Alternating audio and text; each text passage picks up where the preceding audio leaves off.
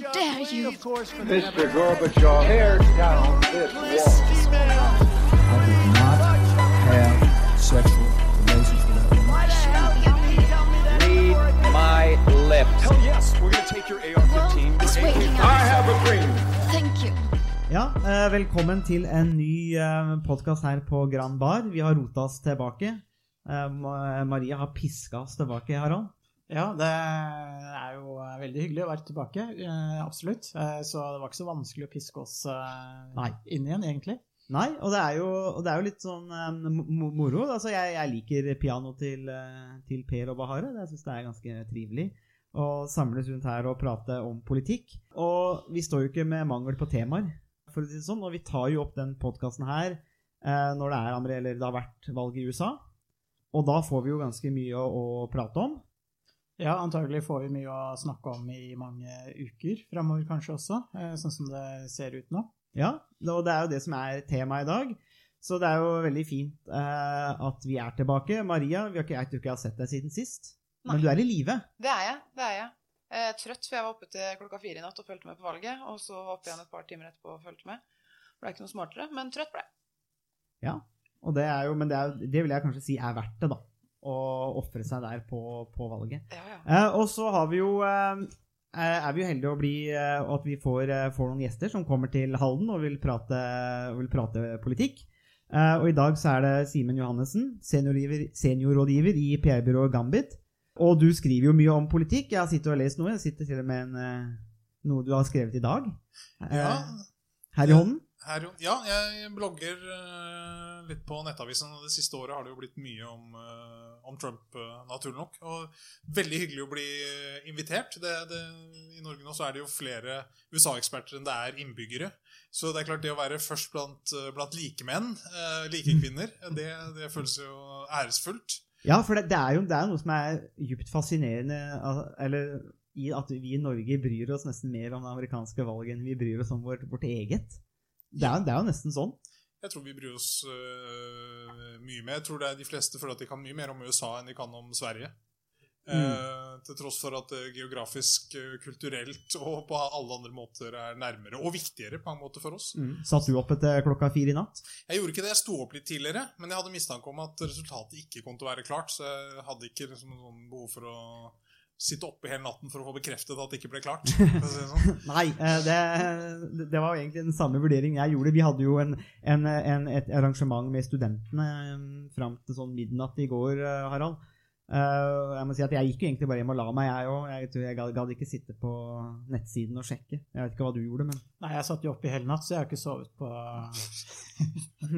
36 timer. Nei da, jeg, jeg, jeg satt heller ikke og fulgte med så veldig lenge. Det, det ble, var jo, ble egentlig tidlig klart uh, hvordan eh, det, det kanskje ville gå, så um, da var det egentlig like greit å, å følge med igjen. det ble, ble tidlig klart at vi måtte vente lenge. Ja. Ja. Nei, men det er jo øh, et, et viktig valg. altså Man ser jo i mediene, det blir ofte beskrevet som et veiskille eller et viktig veivalg i USA. og uh, Vi har på en måte hatt fire år med Trump, som uh, kan jo sies å være et slags eksperiment. Men det er jo um, det, Valget blir jo omtalt eh, som eh, et av de viktigste i USA. Og, og, og turnouten, altså hvor mange som har stemt, kan jo kanskje tyde på det òg. At eh, amerikanerne har eh, virkelig eh, eh, virkelig tatt inn over seg alvoret da, ved dette valget. Og hvis det var høyeste turnout siden 1900, eh, hvis, hvis, var, hvis jeg leste statistikken korrekt i stad, og det er jo, er jo fascinerende i, med tanke på at deltakelsen faller i ganske mange land nå. I, i det demokratiske. Men um, akkurat nå så står det på um, hvis, vi, hvis vi følger en mer sånn konservativ vurdering fra CNN, um, så står Biden med 224 i Electoral College og Trump med 213. Uh, men, og slik det er jo fortsatt veldig jevnt. Men har dette valget her Vi vi kan jo starte rundt bordet, kan jo starte kanskje med deg, eh, Simen. Har det valget her gått sånn som du trodde? Eh, eller spådde, eller tenkte, eller eh, Hvordan har det Nei, altså, det er klart at eh, at, eh, meningsmålerne har tatt eh, grundig feil igjen, som de gjorde for fire år siden, og det er litt overraskende.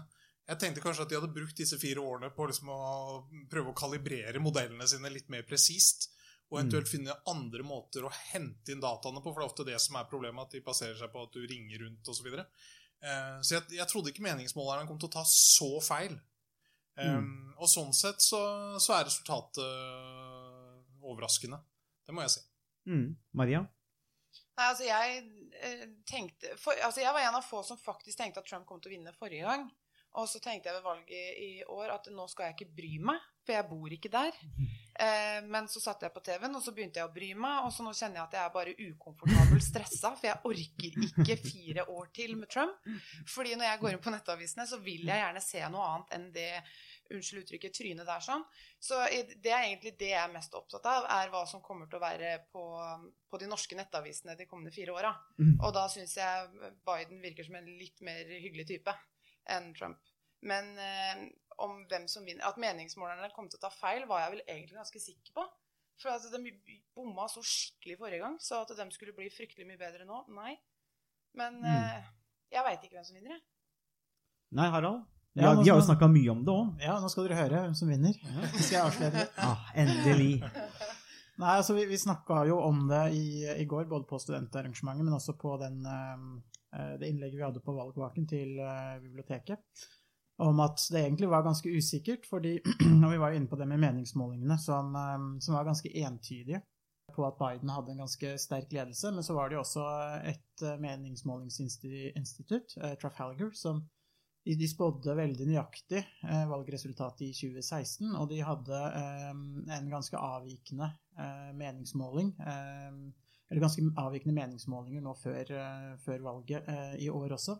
Og de har jo egentlig fått rett igjen, og de har jo en litt annen modell for hvordan de gjennomfører meningsmålingene enn mange av de store instituttene. Og det som, som kanskje har skjedd, er at mange av de store instituttene de bruker mer eller mindre den samme metodologien. Eh, og når eh, veldig mange av de instituttene eh, bruker den samme metodologien, metodologien, så får du også en forsterking av de, de, feilmarginene og de de, eller at man ikke klarer å, nå de som, Mm. som man egentlig bør, bør nå. Så det er på en måte kanskje ikke så overraskende at eh, meningsmålingsinstituttene tok, eh, tok feil, men samtidig så er det eh, kanskje overraskende at de tok så feil som de faktisk gjorde. For det er jo ganske, er ganske dramatiske forskjeller mellom, mellom målingene og resultatene. Og det har jo vært sånn veldig lenge, helt siden i våres, egentlig, siden april. Ja, for, Så har det jo vært tydelige forskjeller, og så har det bare økt eller vært stabilt. mm, for vi snakka jo i går om også den, denne modellen som bl.a. ble satt sammen eller brukt av The Economist. Der man har satt sammen en mengde undersøkelser, flere hundre, ikke sant, fra, fra mars-april av. Og så har man sett på, sett på disse forskjellene. Og, og Trump leder jo sånn jevnt over med 8-10% og så forsvinner det på, på valgdagen. Eh, og det er jo veldig sånn fascinerende at det er mulig. Um, og det sier jo noe om modelleringen, kanskje, og disse undersøkelsene vi bruker, at det er en viktig del av det. Og kanskje man når feil folk. Eh, jeg vet ikke. Altså, vi snakka mye om det i dag i forelesningene i, i metode, som, som jeg har. At eh, kanskje eh, altså, gjør det her at vi får mindre tillit til eh, de såkalte samfunnsviterne og meningsmålingsinstituttene. Og gir det eventuelt bare Trump og andre mer vann på mølla og sier at ok, men se hva mainstream media gjør. De driver og, og finner opp disse meningsmålingene eh, som, gjør, som, som eh, vrir, eh, vrir dette, da. Men, men, men ok, så det her er jo meningsmålingene, men det er jo meningsmålinger. Eh, fundamentalt under det så kan det kanskje ligge at vi har misforstått hele situasjonen. Slik at eh, vi kan se bort fra meningsmålingene, men har vi rett og slett misforstått det amerikanske bildet, det amerikanske samfunnet? Er det, er det der feilen ligger? Jeg vet ikke hva Du, du har jo skrevet noe om det, Simen. Om, om, om, vi, om at i hvilken grad vi forstår USA. Ja, jeg tror ikke vi forstår det så veldig godt, eh, selv om vi tror det. Og noe av det har nok å gjøre med at vi er ikke nysgjerrige nok. da. Vi er litt for, eh, litt for arrogante, litt som også en del eh, amerikanske medier er. For det er klart at USA er ikke et land. USA er et kontinent. Det er fryktelig mye folk som bor på et veldig stort område. Mm. Og det er veldig langt fra, fra liksom New York til Kentucky. Mm. Um, så uh, liksom både geografisk og kulturelt og på annen måte. Så jeg tror også vi forholder oss jo Vårt bilde av USA er veldig mye den, det som er sånn østkysten, altså Boston, Washington, New York. ikke sant? Og de er jo veldig europeiske. Um, og så har du liksom California på den andre siden, uh, som vi også liksom føler at vi kjenner litt. ja, Vi har i hvert fall Facebook, liksom. Mm. uh, Det kan vi noe om. Mens alt det som er imellom, det er, eh, det er et litt sånn ukjent territorium for oss. Mm. Og jeg tror bildet liksom av den republikanske velgeren i, liksom, mellom disse kystene er liksom en litt sånn litt sær, mutt uh, fyr med pickup og liksom gunneren på, på skulderen, ikke sant? Som Høres ut liksom- som en østfolding. Ja. Nettopp. Så dere burde jo ha bedre forutsetninger her nede til å forstå, uh, kanskje. Men, men det, er, det er et eller annet der, altså. At vi, eh, vi har hatt et veldig endimensjonalt bilde av hvem som stemmer på Trump. Og hvis det nå er sånn det ser ut, kanskje en 75 millioner mennesker som har stemt på Trump, uavhengig av om han blir president eller ikke, så er ikke det bare hvite, sinte, dumme menn i pickups. Og det er jo det bildet vi får. Det er sånn klassisk at når, når de store avisene skal liksom finne en, en liksom typisk demokratisk velger og en typisk republikansk velger, så er den typiske demokraten det er ofte en kvinne, eh, lærer, eh, ikke sant? Og så har du liksom republikaneren. Det er en litt sånn rar fyr med caps eh, foran pickupen sin, ikke sant? Og så ser du fjellene litt i bakgrunnen, og du liksom kjenner lukten av hest. Ikke? Og det er et veldig, det er et veldig endimensjonalt og forvrengt bilde. Mm. Eh, For da, ellers hadde han ikke hatt så stor oppslutning. Mm. Så jeg tror rett og slett, Og jeg tror heller ikke vi skjønner dette med, med koronahåndteringen også, som vi kanskje kan ta som en egen greie. som vi tenker liksom, Han kan da ikke overleve dette? Mm. Men så i løpet av dagen i dag så har jeg egentlig kommet til liksom motsatt konklusjon, at koronahåndteringen er noe av grunnen til seieren. Eh, Fordi at det- det er lett å si, akkurat som i Norge, at eh, du må være med på dugnaden. Det er lett å si hvis du jobber i offentlig sektor, eller er på, jobber på universitetet, ikke sant? Kom deg hjem, vær med på, vær med på dugnaden. Ikke sant? Du har null risiko for jobben din, men driver du en liten bedrift, driver du en pub, ikke sant? Så, og du vet at hele, liksom, eh, at familien skal ha mat på bordet, og du skal ha råd til helseforsikring og gå til legen, så må du ha den jobben. Så blir liksom det å stenge ned hele samfunnet fordi at et par hundre tusen mennesker er døde, det gir jo ingen mening. Mm. Det er jo liksom 100 000 som dør av influensa hvert år. Mm. Eh, Det er nesten nærmer seg 70 000-80 000 som dør av overdose. Par hundre tusen, come on, guys! Mm. Vi stopper jo ikke opp av den grunn. Vi er jo et samfunn av entreprenører. Vi er jo et samfunn med, hvor folk som liker å ta risiko. Går ikke hjem og setter oss i sofaen av denne grunn.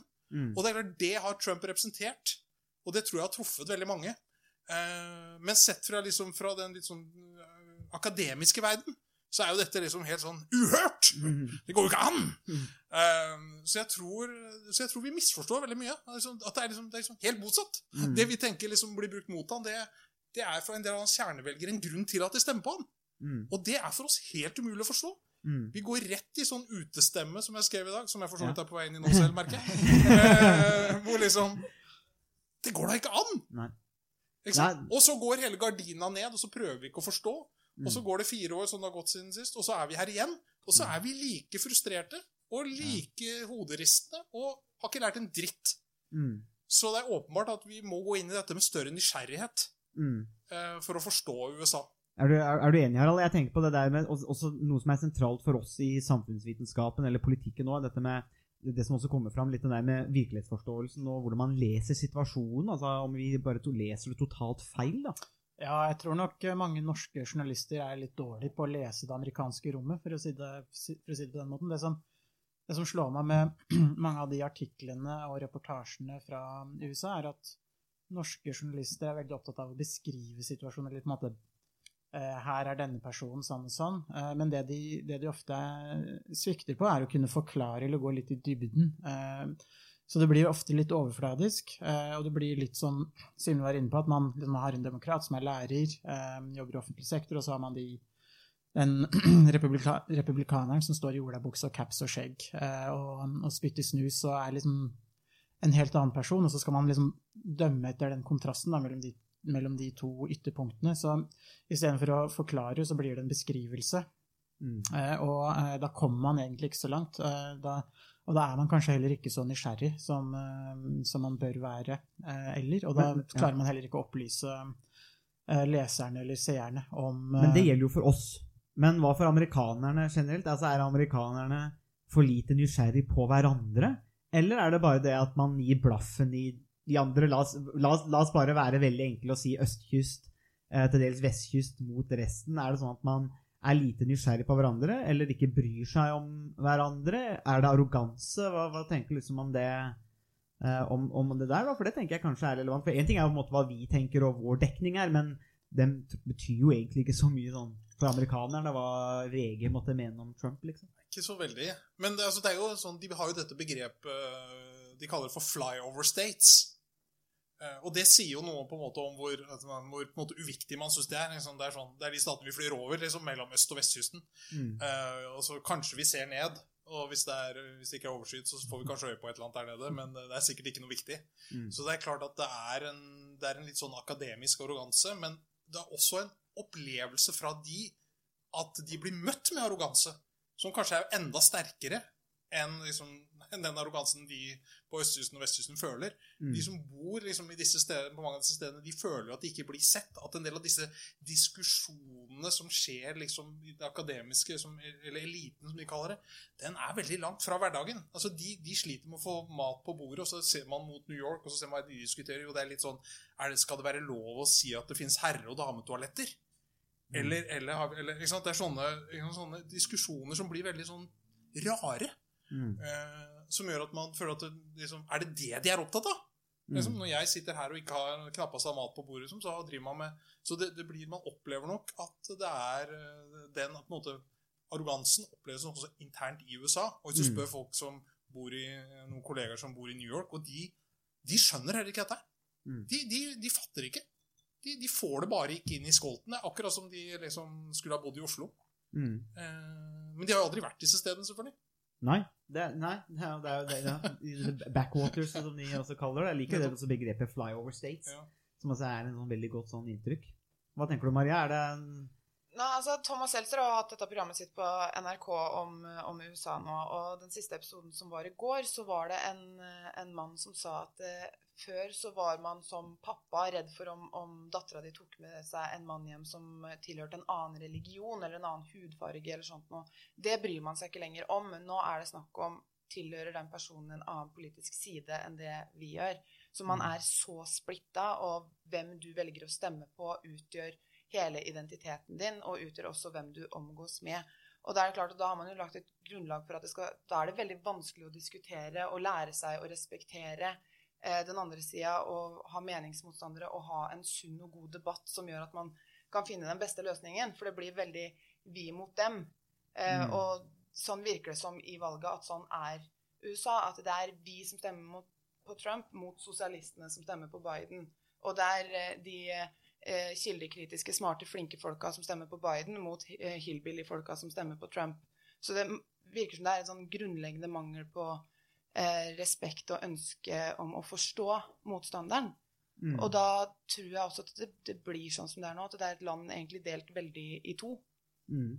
Ja, det tenk, ja, det, det, for jeg har måttet tenkt på det når vi, når vi, etter vi snakker om det. og Vi jobber jo mye med dette med den, disse politiske realitetene. og jeg, jeg, som sagt igjen, det er, det, er, det er veldig fascinerende det at som akademiker eller som forsker eller som journalister så kan man beskrive noe og få et inntrykk av en situasjon. men og så er det også det, måte, hvilke inntrykk det er, eller hvordan, de opp, hvordan det oppleves i USA.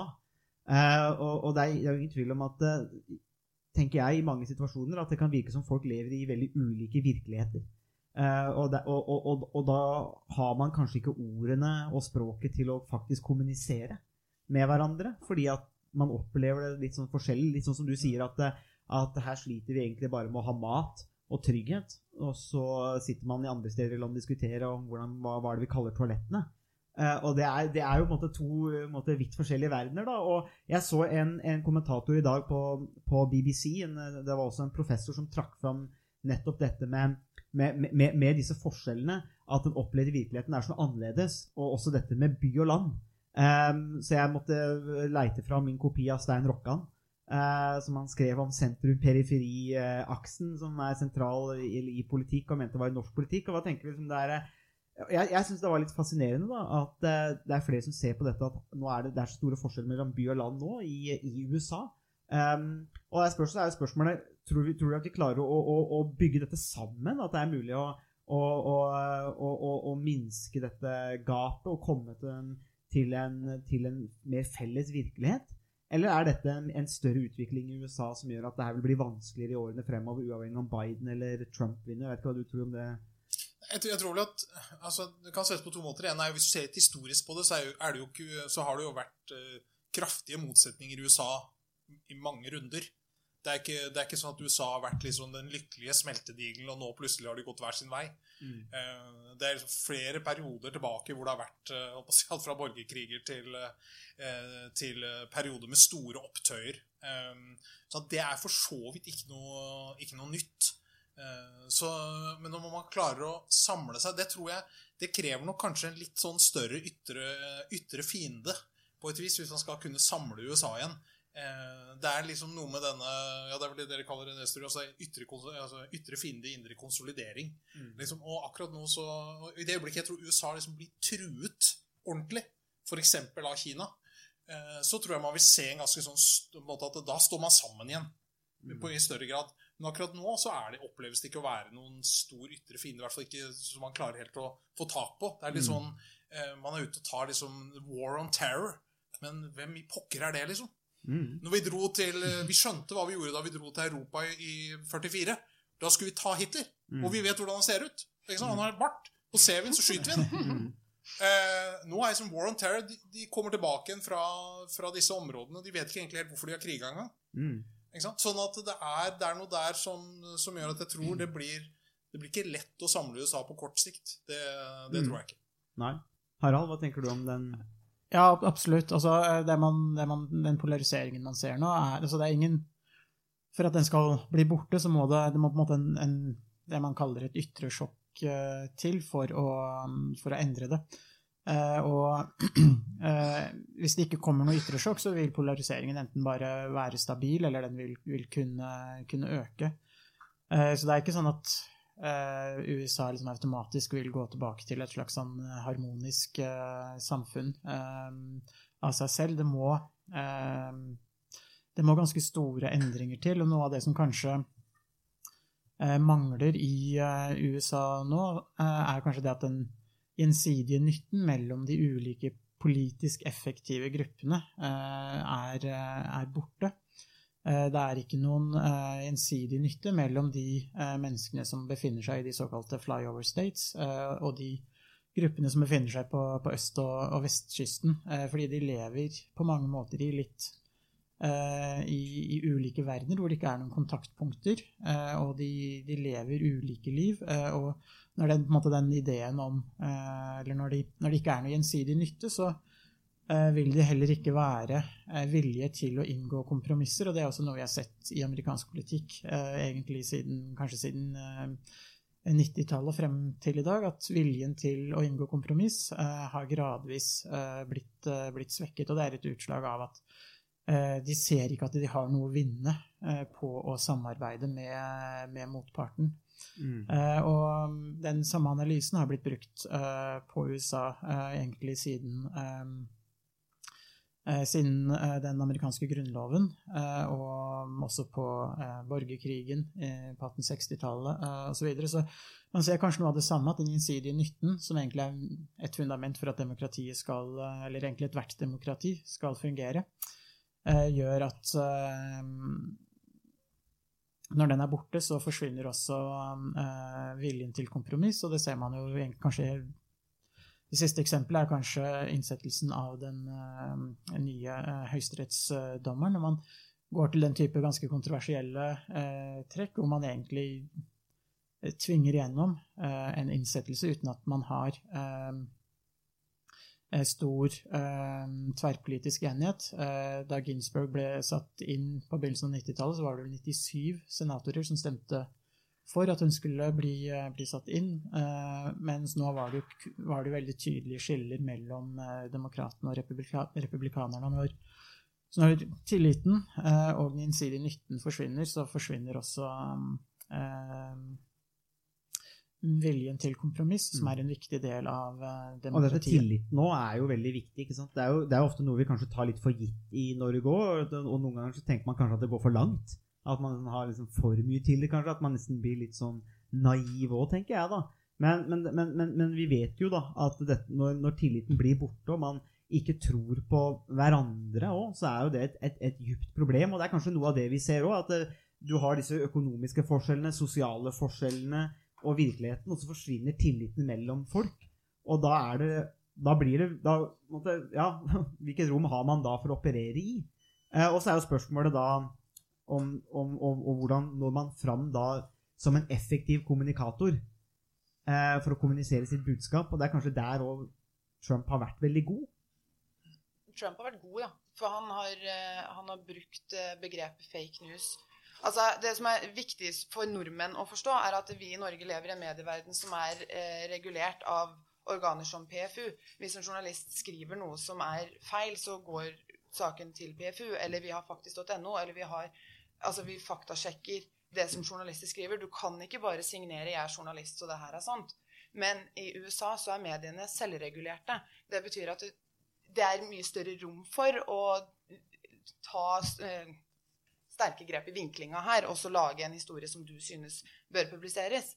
Og det gjør at eh, begrepet fake news som Donald Trump bruker, det er ikke så dustete som vi fremstiller det som. Fordi vi sier at Donald Trump slenger fake news på alt han ikke liker å høre. Ja, det er fordi han benytter en svakhet ved mediene i USA. Noe som er lurt, og som har lønt seg for han og faktisk gjort at han har blitt president. Men det har ikke vi i Norge. Så hver gang han roper fake news, så tenker vi ja, men det er jo dust. Fordi vi er vant til den medievirkeligheten som vi sjøl har. Og igjen så bedømmer vi USA ut ifra at vi sitter her. Så vi tar jo feil. Ofte. Ja, Simen, du jobber jo også litt med PR og i, i, liksom, Litt sånn, ja. I, i, og litt sånt. Altså, vi, vi driver jo med statsvitenskap og sånt, så da, det er veldig fint å ha noen som driver med PR og sånt. Eh, nei, men hva tenker du altså, For nå, er, nå toucher vi litt på dette altså, ja, med kommunikasjon og hvordan man når fram. og Det er jo er en essensiell del av et, et, et politisk system, et demokrati.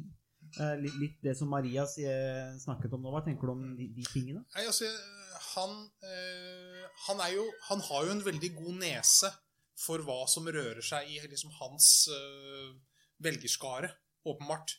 Han plukker veldig kjapt opp liksom, strømningene der. Vet ikke egentlig helt hvordan han gjør det, fordi han sitter jo stort sett liksom, innelåst i Det hvite hus. Eh, Er men men han, ja, han har en egen sånn evne til å, å, å forstå det. Og så tror jeg også at han er eh, Han snakker jo annet med eh, veldig mange flere liksom utenfor apparatet enn det presidenter pleier å gjøre. Så Trump er på kontoret sånn klokken 11 på formiddagen. Da kommer han til kontoret på, liksom, i Det hvite hus, altså i, eller i, i The West Wing, da, på Oval Office. Og før det så sitter han på sitt private kontor, som er på en annen ende av huset. Og, så, og da ringer han rundt og snakker med folk.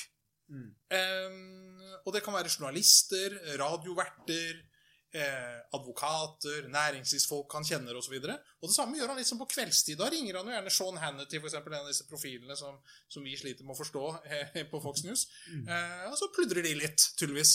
Så på den måten så fanger han liksom opp retorikken, han fanger opp eh, eh, liksom hva, hvordan, hvordan for, situasjonen forstås i sin gruppe. Eh, og så tar han det liksom til seg ganske sånn umiddelbart. Tradisjonelt sett så er man mye mer sånn at eh, man, man sitter og meisler på et budskap, og så har man fokusgrupper, og så tester man ut disse budskapene for å se hvordan, hvordan funka dette budskapet på denne gruppen. Samler man ti mennesker i et rom der og ti mennesker i et rom der. Sånn, nærmest en sånn akademisk, sånn- nærmest en vitenskapelig metodikk rundt det. Eh, som jo heller ikke er så fryktelig sjarmerende når det kommer til stykket. Mm. Eh, at du er bare politiker som på en måte har testet du alle budskapene sine. Mens Trump er mer sånn, han snakker med folk, og så er han flink til å plukke opp liksom hva som rører seg, og så bruker han det helt skamløst. Og, altså, det er ikke viktig for han altså, Folk sier at jeg tror også det er viktig, altså, folk sier at, at Trump er liksom en løgner. Altså det, er, altså, det er ikke det han er. Han er en bullshitter. Mm. Og det er en forskjell. Fordi en løgner vet når de snakker sant, og når de ljuger. En bullshitter bryr seg ikke. Og vet ikke. Så no, Noen ganger så snakker han sant, og noen ganger så ljuger han. Men han er ikke sikker selv på når det er det ene eller det andre. Eh, og det er jo liksom, det er en bullshitter. Ikke sant? En som bare sier det som de tror lønner seg akkurat her og nå. Det, det er nå, ikke sant? Han står på et stadium, og så hører han liksom at Oi, nå begynner det å vibrere. Så tenker han dæven, nå skal jeg si akkurat det. For det høres ut som de har lyst til å høre. Så er det liksom Om det er sant eller ikke, det er ikke viktig. Men, men tror du det er derfor han fre også fremstår som autentisk? Altså for mange velgere, rett og slett fordi at det, er, jo- det, står, det står ikke nødvendigvis ti fokusgrupper bak, men her har du en som Og når han tror på det, så er det bare å kjøre på. Jeg veit ikke om det er riktig, men jeg kommer til å si det, og så fremstår det på en måte som autentisk, og så kjøper folk det, eller syns, syns det er fint, da. Ja, ja, og han sa altså, det er liksom, det er, nettopp det er det at det er, liksom, det er hans, på en måte. Han har liksom, på godt og vondt har han liksom snekra det sjæl, Uh, uten rådgivere. Det er liksom et pluss. Og så snakker han veldig enkelt. Ikke sant? Han er jo liksom på sånn, sånn, sånn syv-åtteårsstadium i ordforråd. Eh, og det er jo bra. Da treffer du jo da treffer du også folk. Eh, det- Da treffer du alle, da kanskje? treffer, du, da treffer du alle. Alle fra syv oppover. Du er godt innenfor liksom, de som er stemmeberettiget. Um, og så har han jo, til tross for at han vabler rundt og snakker om mye rart, sånn, så er Han har jo et lite sånn Det som vi liker å kalle for et narrativ. Da. Han har jo liksom en, en hovedhistorie som ligger i bunnen her. Som har litt med tillit til mediene å gjøre. Som har litt med med, med Washingtons rolle å gjøre. eh, Som har litt med at liksom, uh, eliten overser vanlige folk og sånn. Han har jo noen sånne hovedhistorier som ligger i bunnen. Så det er ikke sånn at han, at han finner på noe nytt hver dag, selv om det kan virke sånn. At det, det ligger noen sånne hovedhistorier som han er veldig tro til. Eh, og som over tid da gir han en profil, selv om når du ser det utenfra, så virker det som han bare står opp hver dag og finner på et eller annet. Eh, men han har et eller annet instinkt. Han har rett og slett et veldig godt instinkt. Og det er jo, sånn, det er jo noen politikere som øh, Også i Norge som vi ser noen, noen står seg liksom på sitt intellekt. og, og noen har ikke så fremtredende intellekt, men står seg eh, veldig på instinkt. Ja, så skal jeg selvfølgelig ikke navngi noen. Eh, men det er Jo, hvorfor ikke? ja, hvorfor ikke? Men det er i hvert fall sånn at Trump har et godt instinkt. Eh, og, det, og det bruker han til fulle, da. Hva tenker dere? Eh, nei, altså eh, Det har jo lenge vært egentlig sånn eh, Nesten et folkekrav om at man skal ha mer eh, autentiske politikere, fargerike politikere, og at eh, politikerne er blitt beskyldt for å være så kjedelige og trauste. Og, og det er litt sånn, nå har man endelig fått en fargerik, eh, ja, eller i hvert fall oransje, eh, politiker. Eh, så eh, nå har man liksom endelig fått en autentisk eh, politiker, og så men fortsatt er jo ikke folk fornøyd, på en måte. Eh, så, Men 75 millioner er fornøyd. Altså. ja, det er jo noe. Det, det, er, det er ganske mange. Eh, Men i hvert fall så er det jo Så kan man kanskje være litt forsiktig med hva man, eh, hva man ønsker seg. Hvis, men man kan jo få litt uh, ulike uh, Man kan jo få noe annet enn det man, uh, det man ønsker seg. Så det med autentisitet og være en fargerik politiker, det, det mm, appellerer jo til mange.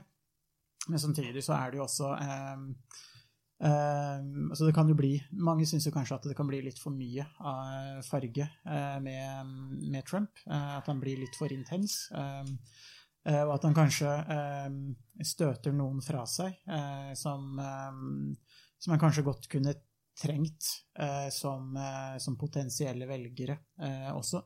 Men, eh, så der er det jo en, det jo en, der er det enkelt, der er det en del avveininger som, eh, som Trump eh, kanskje gjør nærmest sånn på instinkt eller ubevisst, hvor det er intuisjon som, eh, som bestemmer. Og, eh, og mange har jo alltid eh, undervurdert eh, Trump. Eh, og eh, hvis man vinner eh, presidentvalget i USA, så, så har man noen ferdigheter eller noen egenskaper som, som gjør at du Det er et eller annet ja, litt sånn magisk, nesten. Altså du har noen egenskaper som er, som er veldig velutvikla, eller veldig, Mm. veldig Hvor du er dyktig på, på noe. Obama var jo kanskje et eksempel på en sånn politiker som hadde et sterkt intellekt Mm. som brukte intellektet. Eh, og, og Trump er jo det motsatte. Han, bruker, han appellerer til følelser eh, og er bevisst veldig, veldig farge... Også business, da. Han er jo rik. Ja, han sier han er rik. Og det er jo viktig. Eh, hvor rik han er, er vel litt uklart, kanskje, men det er jo ikke i og for seg så interessant. Eh, Det viktigste er jo at han kan late som at han er rik, eller gi inntrykk av at han er rik, i hvert fall.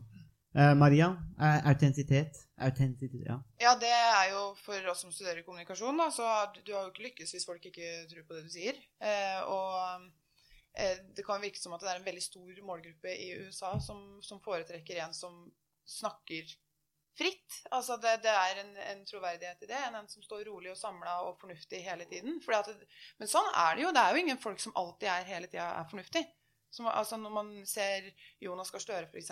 i Norge, som alltid skal være sånn samla og fatta og sånt noe, så, så kan man tenke sånn Hvor mange rådgivere var det som skrev det der for deg, da? Man kan jo stille spørsmålstegn ved det. Mm. Men så er det en annen ting som, som er som jeg syns er spesielt med USA, er det at hvis du ser på Fox News og finner nyhetene dine derifra, da tilhører du Trump. Men hvis du ser på CNN, da er du Biden. Sånn har vi jo ikke i, i Norge. Vi har Frp som eh, foretrekker å kalle NRK ARK, særlig i valgkamptider, men det er vel kanskje det som er det nærmeste vi har her. Og så har vi hatt eh, justisminister Anders Anundsen som tente på en lokalavis og nekta å bli intervjua der noe mer. Men det falt jo ikke sånn kjempegodt i smak. Og så var det Siv Jensen nå på siste landsmøte som eh, begynte å kalle motstanderne sine ved kallenavn. Eh, det falt heller ikke i god Ja, jord. la oss ta en liten eh, For der var det også noen høyde... Bare la oss, bare la oss spore av inn på den der. fordi at eh, for det, når jeg satt og så på den saken, så tenkte jeg hva i alle dager? For det eh, Jeg veit ikke, nå, er- nå jobber jo ikke jeg med noe kommunikasjon eller PR og sånn, men det å, å f.eks. kalle Audun Lysbakken for Ulve-Audun, var det ikke det? Ja, Det var jo ikke et bra kallenavn engang. Det Og så var det, var det Vingle Var det Jonas? Vingle-Jonas. Vingle-Jonas og Ulve-Audun. og det, det, Den lurer jeg litt på, den der Ulve-Audun. Men eh, hvordan vurderer vi eh, forsøket til, eh, eh, til eh, Frp på å liksom gi kallenavn her? Da skal jeg bare ta en kort oppsummering på den. Hvis jeg skal starte, så er det jo altså jeg tror første så var det jo Det er to ting som er feil med det. ene er jo at uh, kallenavnet var dårlig. Ja, skikkelig. Og det er jo det Trump har vært god til. Nå traff han ikke så godt på Sleepy Joe, så den satt ikke ordentlig. Men i nominasjonskampen uh, i 16 så klarte han jo å rive alle sammen ned, bare nærmest ved et kallenavn de aldri ble kvitt. liksom. Mm. Det bare sto liksom brent i panna. liksom. Ut- Og det, er, og det tror jeg ikke var noe han hadde noen rådgivere, det var noe han fant ut selv. Så, så det ene var at det var dårlig, dårlig kallenavn. Det andre var at det, det kledde ikke Siv Jensen så godt. Nei. Altså, hun, hun er liksom hun, er, hun har vært finansminister. Hun, ja, hun er en veldig seriøs, hardtarbeidende, ordentlig fatta, for så vidt, også politiker. Og så nå skulle hun plutselig liksom være liksom en sånn populist. Mm. Eh, det, jeg syns det var sånn out of character. Mm. Så, så det falt liksom Det ble bare sånn Hæ? Det er, liksom, det er verken smart eller morsomt. Altså, bompengeland altså, det, det kom jo ikke lett ut heller, liksom. Det er sånn Sleepy Joe den er jo i hvert fall litt mer konsis, kanskje. Og Pocahontas, Ja. eh, som liksom på, hva, som, var Funker jo ofte bedre på engelsk, rett og slett. Ja, det, det gjør jo det, og det er klart at eh, hvis, hvis Trump eh, Det er ikke mye jeg kommer til å savne hvis Trump taper, altså. Men noe av det jeg kommer til å savne med Trump, det er jo det at du faktisk går på talerstolen i FN og tiltaler lederen av Nord-Korea som Rocket Man. Eh, og det er altså Det er noen ganger jeg bare må Jeg, altså, jeg trenger ikke se på eh, Saturday Night Live eller noen sånn annen kommentar. Det er egentlig bare å sette på Trump og så bare få en leder som bare Rocket Man. Og da er det liksom bare sånn Det er det offisielle. Det er jo kostelig. Men det er iallfall bedre enn bompengeland. Da syns jeg jo kommunistbjørnar, Ulve-Audun eller Vingle-Jonas Det er liksom Ja, og da har du det med å være autentisk igjen. For at jeg tror ikke det var Siv som kom opp med de kallenavnene. Jeg tror ikke det var et spontant innfall, og jeg tror heller ikke hun mente det når hun sa det. Eh, Jeg tror det var et forsøk på Altså, ikke glem at hun snakka jo til sine, da. Det var jo ikke på Debatten på NRK, det her. Men Maria, hva tror du hvis, eh, hvis uh, Siv lager et kallenavn på uh, vår vert, Per Per Sandberg? Sandberg. Hva tror du hadde kommet opp med da? Det er jo så mye å ta. Altså, hvor skal man begynne hen? Hva tror du? Vi, vi, vi, vi får tenke litt på det, og så kanskje spille inn noe, noe kallenavn til Med tanke på at jeg også jobber her, så skal jeg være litt sånn forsiktig av egne Jeg kan ta det etterpå, så dere. Vi får se. Det, det kan hende vi kommer opp med noe, noe i, eh, i, i podkasten. Ok. Ja, vi for, for, vi- hvis ikke det ble tatt opp, så slo Per fast at eh, Siv kalte Per for Elsklingen. Men der har du en annen ting. bare for- for sånn at det er at Når Trump har gitt noen et kallenavn, så bruker han det. Ja. Igjen og igjen og igjen. og igjen. Mm. Mens her ble det liksom den ene gangen. Ja. Og det er liksom Nei, det der var Nei, en det var ordentlig feilvurdering. Det var en grov feilvurdering. Svakt og rart. Øh, så det Det ble egentlig bare pinlig, egentlig. Ja. Eh, Det, det, og det var vanskelig liksom, å se verken eh, hva som var morsomt, eller hva som var retorisk eh, med de kallenavnene også, så det ble egentlig eh, ble litt flaut, eh, pinlig, og litt sånn nachspiel eh, Litt sånn krampaktig nachspiel-aktig eh, I Indre Østfold. det er, Eh, ja. det er mye bedre på nachspiel enn det der. Nå, nå har jeg gått glipp av noe. Nå, nå du, skal få være med neste gang. nå, nå, nå skjønner jeg ikke helt hva som har skjedd her. Eh, nå skal jeg være så ærlig at eh, hvor var vi på det sporet før jeg hoppa av sporet? Nei, altså jeg tenkte en, altså litt, litt dette med forståelsen av USA og presidentens rolle og sånn, så er det jo sånn Noen tenker jo at presidenten er litt som Erna Solberg. Ikke sant? Litt som sjefen. Mm. Eh, men det er det jo ikke. Det er noe helt annet å være statsminister i, liksom, i en sånn parlamentarisk eh, system som vi har, enn å være president i USA. Og det er no, for noen, særlig på republikansk side, så ønsker man jo egentlig ikke at presidenten skal bry seg med så forferdelig mye. Mm. Man ønsker gjerne at det, det meste skal bestemmes liksom her. Det er vi som skal bestemme her i vår stat, eventuelt i vår liksom, county, hva som skal være skolepolitikken, og liksom, hvem som skal være brannmann, og hvem som skal være politisjef. og så. Det skal vi velge. Eh, og vi har, sant, det jo, hører jo i dag, så, så, så snakker man om liksom, eh, statenes ut, altså Secretary of State. Ikke sant? Det er sånn utenriksminister liksom, per stat. Mm. Sånn at det er jo ikke Man har, altså, man har nødvendigvis ikke de forventningene Man ønsker ikke at presidenten skal holde på med så mye. Altså, De skal holde liksom, de, de skal holde på med forsvar. Skal de holde på med litt sånn utenrikspolitikk, hovedsakelig for å holde liksom, keep the bad guys, guys out. Mm. Og for øvrig skal presidenten gjøre minst mulig. Det er jo, ikke sant? Så det er ikke noe ønske nødvendigvis om å ha liksom, en veldig sånn president som skal liksom, gjøre så veldig mye. De skal bare løse et par-tre oppgaver. Resten ordner vi selv. Ikke sant? Og det, det tror jeg heller ikke vi helt Mer skjønner. golf, mindre politikk. Det er eh, Det er for øvrig det mottoet jeg lever etter òg. Ja, vi, vi ser jo det på jobben. Du er, du, er, du er jo stort sett aldri på jobb. Så. Jo, men altså, når du kan bli president og rik eh, og gift med vakre damer, så skjønner jeg ikke hva som er feil med det. Uslåelig kombinasjon. Men man må huske på Ronald Reagan. Han red hver onsdag, var stort sett ikke på kontoret mer enn fire dager i uken. Så det er ikke uvanlig at presidenter har sin eh, time off. Mm, absolutt. Um, ja, Harald, du, uh, ja, du nei, brenner det- inne med noe. Uh, ja, altfor mye, vet du. Men nei, uh, altså det, det, det som er interessant med USA, er jo at den politiske makten er jo delegert nedenfra og opp. Eh, fra delstatene. Det er delstatene som har gitt myndighet til eh, den sentrale regjeringen eller sentrale administrasjonen. Mens i Norge så er det jo omvendt. I, I Norge så er all makten samlet i Stortinget, regjeringen, eh, og så blir det delegert ned til eh, fylket og, og, og kommunene. Eh, og det er en veldig viktig forskjell, for i USA så, så har man jo avgitt myndighet fra, på, på delstatsnivå eh, til en føderal eh, eh, regjering, eh, et federa, føderalt styre. Og det var det man gjorde da man skrev under Eller Da man lagde eh, den amerikanske grunnloven også.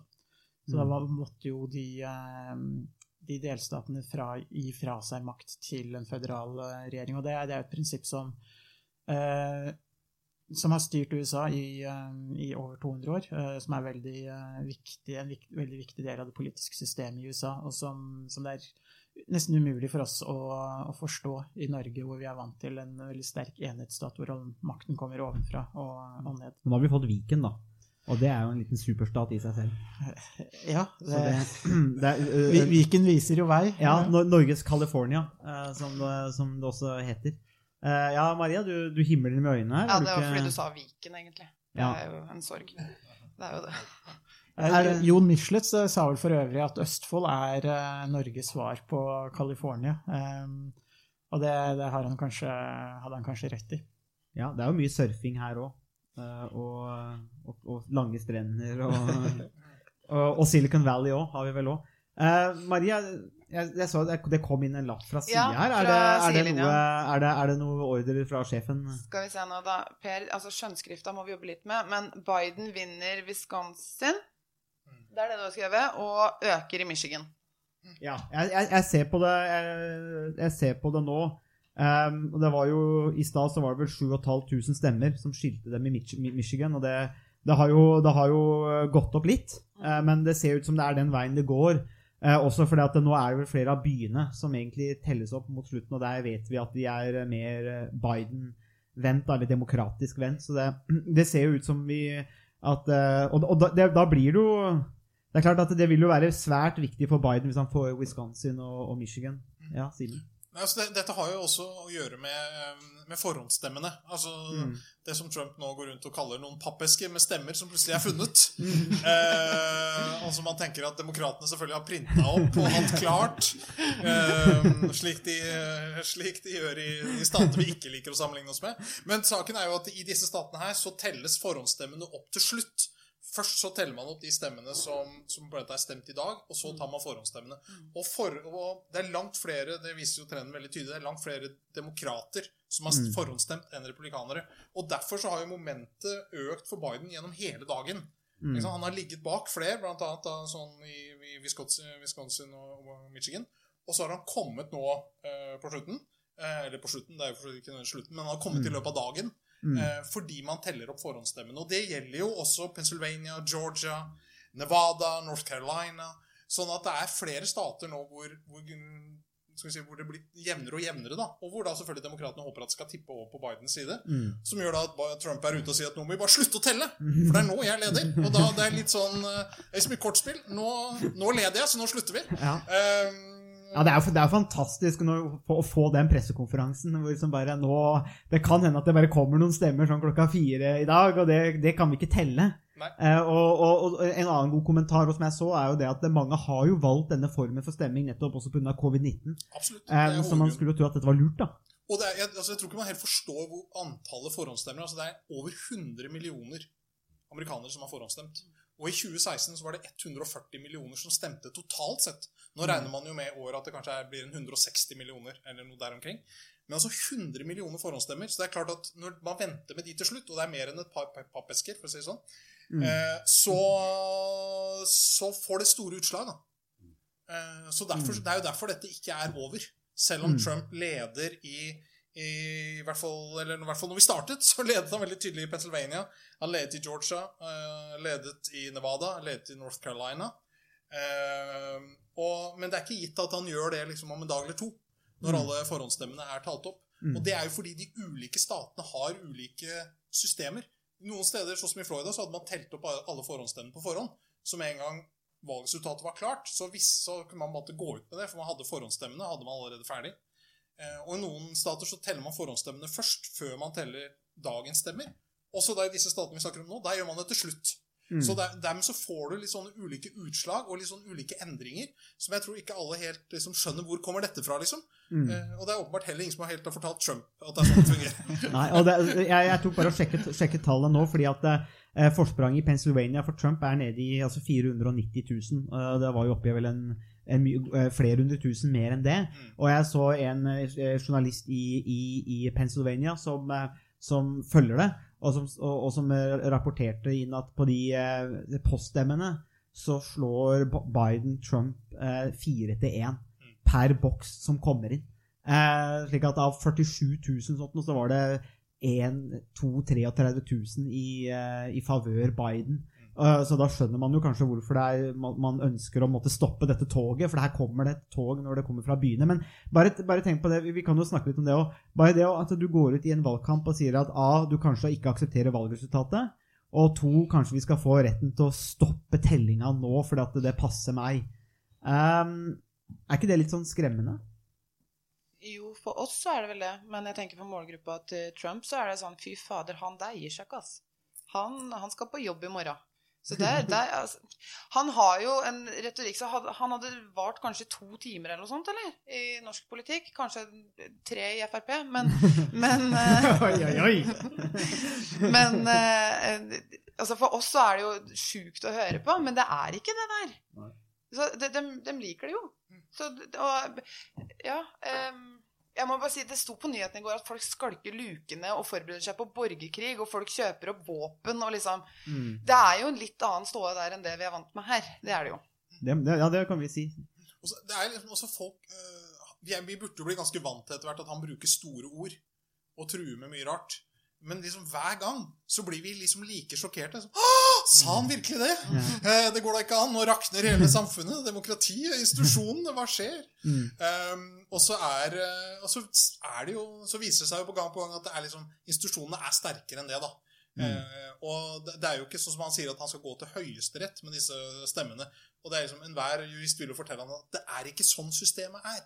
Dette er på delstatsnivå. Det er ikke sånn at Høyesterett i USA totalt sett liksom går inn og sjekker disse pappeskene. Mm. Eh, sånn at jeg tror man må liksom holde liksom, Ikke Ja. få Altså ikke gå bananas hver gang han sier noe som vi opplever som river ned institusjonene. Eh, han har jo ikke fått til det ennå, i hvert fall. Mm. Nei. Så det er, ikke noe, det er ikke gitt at han skal få til de nærmeste dagene heller. Jeg så så, på så det, er, det er litt jeg synes det er liksom det Trump har jo evnet å mobilisere. Det, jo, det, det ser, viser man så mange som han har fått til stemmeurnene i dag. Eller Mm. nå blir det kanskje i går. Em, mye mer enn det Biden har gjort. Han liksom lever, han lever på forhåndsstemmene. For å si sånn. Så han har jo mobilisert. Og dette er jo en måte å mobilisere på. Valg dreier seg om å få folk til å stemme. Mm. Ikke få folk bare til å støtte deg moralsk, men faktisk å gå og stemme. Ja. Eh, og han bruker alle triks i boka for å få det til, også dette. Så vi må liksom prøve å tenke at dette er litt sånn retorikk. Ikke liksom Ikke, ikke gå på limpinnen hver gang. Mm.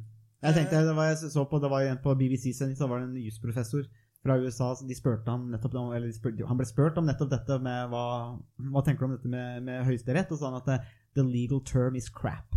Ja. Så det, det, det var hans, eh, hans profesjonelle vurdering av Trumps påstand om å gå til høyesteretten. The legal term is crap.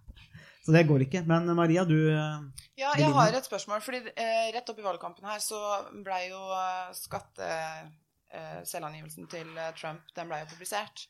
Og det har jo vært en sak over lang, lang, lang tid for å få tak på den. Og så kommer den ut, og så viser det seg at han har betalt eh, like mye skatt på ett år som en student i Norge får utbetalt i måneden. Og det blei jo den dagen en stor greie. Men så forsvant det jo, for han fikk eh, covid-19, og så forsvant det. mm. Hvordan får man til det? Altså, hvor, hvor, Hvordan klarer ikke mediene å gjøre det til en større greie? Og hvordan klarer han å komme unna med det her, når det her har vært informasjon som han har sittet på og nekta å gi i så mange år? Den kommer ut, den er absolutt ikke til hans fordel, og så bare forsvinner det i en valgkamp. Simen, forklar meg. altså, eh, jeg kom akkurat inn, Per kom akkurat inn med lapperen og sier at eh, Trump har jo fått totalt sett Det har jo noe med oppslutning å gjøre, men han har jo fått flere stemmer i år enn han fikk i 2016. Altså Uavhengig av måte utfallet, så det er flere som har stemt på han, aktivt stemt på han. Så det må vi liksom ta med oss. Jeg tror, nei, altså dette med skatt, det er litt sånn med norske øyne, så er det litt sånn hvis du blir tatt for skattesnusk, det er liksom drepen. Og det er det nok i, i visse deler av uh, demokratiske partier i USA også. Men for mange i USA så er jo det bare Det er, det er bra to ting. Én, det viser at du er smart. For du betaler, det er ingen som betaler mer skatt enn du må. Hvis du kan betale fem kroner i skatt istedenfor 500 000, så gjør du det. det, er, det er, da har du gode rådgivere. Du er en smart kar. A man to trust. Eh, og det andre er, som vi heller ikke skjønner, er jo at vi, de tenker jo, en del republikanere tenker jo at jo mindre penger staten får inn, jo mindre har de å sløse bort. Så at staten får inn mindre skattepenger, det er topp! Da er det mindre til såkalt omfordeling. Ikke sant? Redistribution Oi, Jeg bærer preg av et glass vin her. Redistribution, som de hater, ikke sant? Å gi fra de som har, til de som ikke har. Sånn at eh, for mange demokrater så er det at en kan betale skatt, det er bra på to måter. Det er ikke noe å bruke mot fyren i det hele tatt. Mm. I tillegg så, så er jo Trump veldig flink til å bare fortsette, eller på en måte avlede til en ny sak, til nye hendelser, eh, nye utsagn som virker kanskje enda mer sjokkerende. Og så flytter mediene eh, fra én sak til, til en ny sak, og så er eh, eh, skattesaken eh, glemt, og så kommer covid-19, eh, eller at han får covid-19, og så kommer det noe annet, og så sier han noe nytt, og så, så det, mm, virker det som det er flere år siden de de selvangivelsene ble publisert fordi det har skjedd så mye på, på så kort tid. Det, det skjer hele tiden, eh, nå med Trump. Eh, og vi har jo snart eh, brukt en time på å snakke om Trump også. Eh, så vi har jo Har du det bare gått, jeg trodde det hadde gått et kvarter. ja. så vi har jo gått rett i fella, egentlig. Vi, vi, vi går rett i fella, men jeg, og, men jeg har lyst til også Vi, vi nærmer oss vel Er det Maria har kanskje lada opp en ny Rapid hurtigrunde? fire. Ja, altså, det, det, det tar ikke Harald jeg ansvar for. Eh, bare, bare det jeg har sagt. Nei, men, men, men, men før vi på en måte begynner å nærme oss den der, jeg tenkte med avslutningen, dette med de her institusjonene sånn som du nevner, for det er jo um, det er noe vi bruker en god del tid på, Harald. Um, å snakke om dette med institusjonene og, og, og, og hvorvidt de holder, da. Og de, de har jo holdt på en måte i- gjennom Trump. Uh, Men tenker du at vi ser altså, gjennom fire år og neste fire årene måtte en utsikten altså, for disse institusjonene? Kanskje, kanskje si noe først, bare sånn kort. Og da, da henviser til Harald, for du er på en måte eh, huseksperten på det her. Eh, men måte, nødvendigheten av institusjoner, bare helt kort. Hvorfor trenger vi de egentlig? Og måte, hvordan Trump eventuelt da påvirker de, eller utfordrer de? da. Ja, Noe av poenget med institusjoner er jo at eh, det politiske systemet skal overleve uavhengig av hvilke personer som er, eh, som er valgt inn. At institusjonene kan være med på å, å bringe demokratiet mm, videre, eh, så man ikke er avhengig av eh, en bestemt politiker eller en bestemt eh, gruppe politikere. Så eh, poenget med institusjoner er at det skal, de skal bestå, mens personene og politikerne kommer og går. Eh, Så de skal, de skal være, de som, som skaper en viss stabilitet i, politiske systemet. Mm, Ofte, ofte noe som setter oss da, eller gjør oss til forskjell da, fra mange andre stater. Og jeg, eh, for noen år siden så var jeg også i, i Serbia, eh, i Beograd, og eh, var, var innom mausoleet til eh, Tito. Um, og det er et sånn klassisk eksempel kanskje på hvor staten blir knyttet til person, og en sånn slags kult. Og da han forsvant, så var det ingenting til å binde dette Jugoslavia sammen, og det bare oppløste, da. Og det tenker jeg på en måte er litt interessant. Og spørsmålet da er jo, det siste spørsmålet da, på en måte, vi kan jo ta en runde rundt det og på en måte av den siste substansielle diskusjonen før, um, eh, før rapid fire. Sier du at jeg er uten substans, Sondre? Nei, det ville jeg aldri sagt. Det- Nå, nå, nå, nå, nå, nå tolka du meg feil, Maria, på en måte. Nei, nei, men Det er nok noe som må redigeres bort. ja. Og, og det er jo ikke verre enn det. Der forsvant plutselig lyden. Um, så det, det, det, får vi se på hvordan vi, hvordan vi ordner. men, men, men dette med, med Eller det jeg egentlig tenkte å si, Maria, var at den institusjonen er litt mer kjedeligere, da, og så kommer liksom det mer oppløftende elementet til slutt. Ja, ok. Ja. Eh, nei, men, men institusjoner eh, Ser du eh, Din vurdering helt kort, Harald. Er USAs institusjoner Har de blitt truet av Trump, og vil de fortsette å bli truet, eller eventuelt, hvis han vinner dette valget? Eh, ja, jeg tror Trump eh, truer eh, institusjonene i det amerikanske demokratiet, men jeg vet ikke hvor sterk den trusselen nødvendigvis er. Jeg tror Trump er litt for lat til å, og litt for glad i å spille golf, til, akkurat som deg for øvrig, til at han virkelig gidder å utfordre de amerikanske, de amerikanske institusjonene. Mm. Ja, Simen? Altså, det er altså en av, av eh, grunnene til at jeg tror dette går fint, da, for å si det sånn, er jo at Trump altså, han har egentlig ikke så veldig mange han, han, har, han er ikke noe flink til å bygge organisasjoner, åpenbart. ikke sant? For han bytter ut folk hver tredje måned, og da er det vanskelig å, å liksom bygge opp en, en robust organisasjon. Og det er klart, Skal du endre USA altså institusjonelt, eller konstitusjonelt, hvilket ord du bruker, så, er, så gjør du ikke det alene. Det, det krever liksom at du har en bevegelse. Og jeg tror Trump er altfor mye et one man band uh, til at han kan få det til, rett og slett. Um, og jeg tror liksom eh, altså, han, og nå har han, jo liksom, han har jo bygget opp på og måte, Høyesterett har jo gitt de veldig mye autoritet på mange måter. Um, og du har liksom Mitch McConnell som holder på, som vel også nå tror jeg i dag ble, ble gjenvalgt til seks nye år. Da er han vel 140. når han går da. Eh, Det er kontinuitet. det er kontinuitet, ikke sant? Og han styrer liksom eh, senatet der for republikanerne. Altså, dette, Du kan si mye om det, men de er erfarne eh, politikere som også er vant til å inngå kompromisser, for de husker gamle dager, altså før 19, eh, 1990. Så jeg, jeg tror Jeg er ikke så redd for det. Selv om man bruker veldig store ord. Det skal noe substansielt til for å få det til også. Det holder ikke bare å være stor i kjeften. Mm. Helt klart. Nei, det blir jo uansett et spennende, det blir spennende å se, for vi, vi vil jo ikke få svarene nettopp altså Det tar litt tid da, ennå fra vi har spilt inn. Vi, det, har, det har ikke skjedd mye på det kartet siden, siden jeg satt og så på det i dag på jobb, eh, til vi sitter her nå. Det er noen, det er noen, det er noen titusener som har flytta seg i noen stater, og noe mer har ikke skjedd, så vi kommer til å vente litt. Men um, da er vi egentlig klare for høydepunktet ved, i podkasten. Maria, du har, eh, du, er klar, du, har, du har skrudd på grillen. Yes. Ja. Ok, Simen. For det her har ikke jeg fortalt deg, skjønner du. Men jeg får lov til å gjøre en ting i hver livepod. det er sånn Otto Jespersen eh, på Surprise! Skummelt. Eh, Så det som skjer nå, er at nå stiller jeg deg et par spørsmål. Og du får ikke lov til å utdype svaret ditt. Okay. Du får heller ikke lov til å tenke deg noe særlig om. Så nå skal du være litt sånn Trump-type, og så skal du bare svare på impuls. Kan jeg gå i baren først, eller ikke? Ja, altså vi kjenner jo bartenderen her, så det kjenner jeg det løser seg. Men ok, er du klar? Uh, nei. Nei, men det er, bra. det er flott. Det er akkurat sånn det skal være. Hvem hadde den beste valgkampen? Donald Trump. Hvem var den beste debattanten? Mm, Det tror jeg var Joe Biden. Beste norske politiske kommentator? Kan man si seg selv? Nei, jeg tuller bare. Det- nei, jeg tror det er Det er V, jeg sier VG. Det er litt, litt forskjellige eh, Hvilken person? Vers- Astrid Versto, kanskje? Hæ? Versto Nei, Astrid, hva hun heter. Husker jeg ikke navnet hennes. Ja. Eh, I, eh, i eh, Jeg sier Hanne Skartveit, da. I VG. Mm. Norges svar på Biden? Eh, eldre mann med munnbind. Um, nei, det er Nei, si det. Jeg, jeg begynte å tenke på Michael Tetzschner, men det er jo litt dårlig gjort. Han er ikke så Ja, men jeg sa ikke at du skulle være snill. Du skulle være ærlig. Det var, ja, nettopp. Det er litt, uh, litt sånn gammel statsmann. Ja, men der er Tetzschner. Og så Norges svar på Trump. Eh, nei, altså de har, jo, de har jo forsvunnet ut av Fremskrittspartiet alle sammen, har de ikke det? Så det er ikke Blikk fra bartenderen her.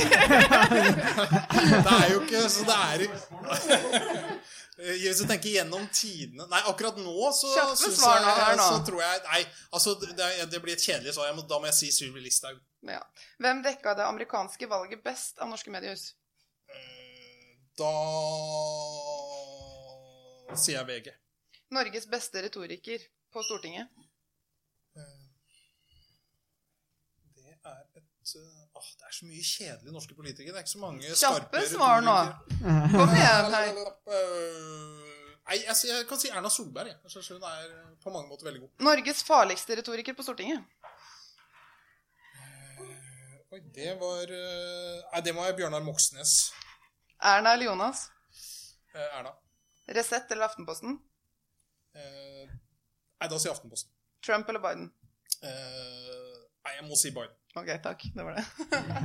Det var, det var en eh, Jeg syns det var litt vanskelig spørsmål. jeg. Sånn eh, farligste retoriker og sånn. Det var, eh, var faktisk litt uh... Men det er rart, for Bjørnar Moxnes har fått den begge ganger. Ja, så, og, så nå tenker jeg kanskje vi må ha en sånn der, eh, Litt sånn som de hadde i- på sånn Top Gear, sånn der liste på veggen her over noen svar. For at Moxnes han har jo kommet to ganger nå. Både. Per og Siven er jo enige om at den var litt sånn farlig, eller slash god, da. Så det er jo mm, Men Ja, nå kan du, en du siste kommentar nå. Altså, du kan dra den, ikke sant? Jeg bare jeg, Nei, du, er, du, er, du, er, du er på lufta nå, Per. Jeg er på jobb. Men altså, nå er det altså, Det er jo som Simen sa tidligere i sendinga også. Eh, nå er forhåndsstemmene begynner det å tikke inn, og det ser ut som at Biden eh, toget til Biden akkelererer fortere enn det vi tror. For nå leder han både i Michigan, og han har vunnet i Wisconsin, eh, og han leder også i Nevada. Og dette er jo tre stater som er uhyggelig viktige. Vinner Biden disse, så er han garantert å vinne eh, valget. Mm. Så det er litt interessant. Ja, og det, og det, er jo det vi snakka om òg, kanskje. At det, det der, eh, dette forhånd, altså poststemmene, forhåndsstemmene, de som blir telt opp og i litt ulik grad, det, det, det, det spiller faktisk en stor rolle, og kanskje noe man har undervurdert, og Trump er redd for. da. Så eh, det er fint når vi har en sånn politisk korrespondent som kommer ut av bardisken eh, og oppdaterer oss. Det er, det er en hel pakke her, eh, her på, på Grand Bar.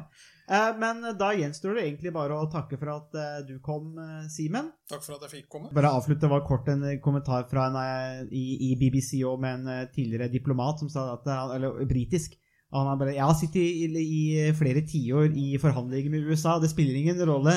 De tar det de skal ha. Eh, Og så må vi bare gi det vi eh, kan, kan gi, og det spiller ingen rolle om det er Trump eller Biden som sitter der. Det er på en måte like tøft, så er, man skal ikke være naiv på det. Men eh, da har vi jo faktisk drevet på i godt over en time, så det var jo veldig hyggelig, hyggelig og fint. Og så mm, satser vi jo på å møtes her igjen, eller ha podkast her om, om noen uker igjen. Ja, om to uker, Sondre. Ja, Dette har jeg fortalt deg. ja. Ja. Kommer 25. november. Da kommer selveste senterpartist Jan Bøhler. Ja, Så da blir det ikke politisk valg, men da blir det norsk valg. Men takk til Simen Johannessen for at du kom hit. Takk, takk. Veldig hyggelig. Og så ses vi eh, om noen uker igjen. Yes. Ja. Hei då.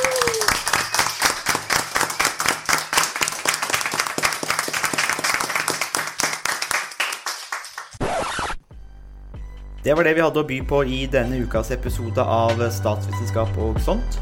Musikken er komponert av Robin Horvath, og Thomas Vocolato står for miksing og redigering.